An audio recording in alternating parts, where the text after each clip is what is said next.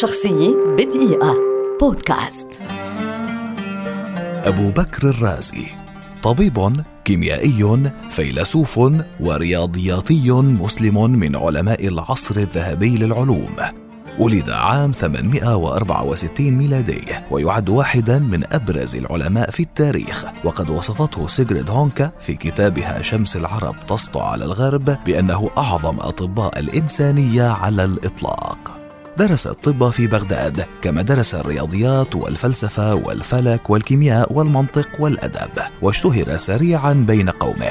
وجاب البلاد وعمل رئيسا لمستشفى وله الكثير من الرسائل في شتى مجالات الأمراض وكتب في كل فروع الطب والمعرفة في ذلك العصر.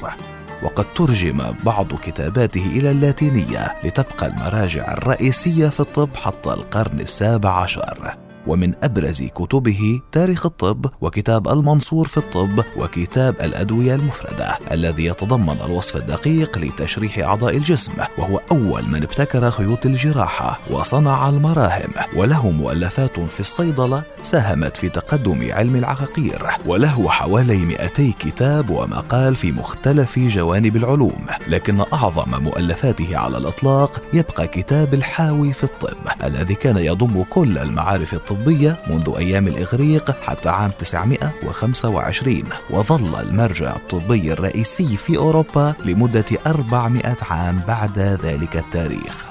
حدد الرازي الحمى كجزء من دفاع الجسم وكان أول من وصف أعراض وأمراض الجدر والحصبة كما تحدى النظرية الطبية المقبولة حول النزيف وكان أول من أوضح آلية الإبصار في العين.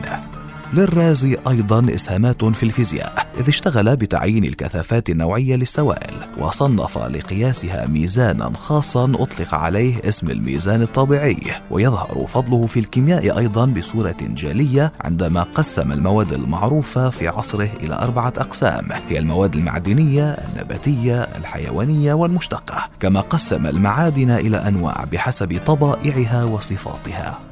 حوالي عام 925 للميلاد رحل أبو بكر الرازي عن عمر ناهز 60 عاما.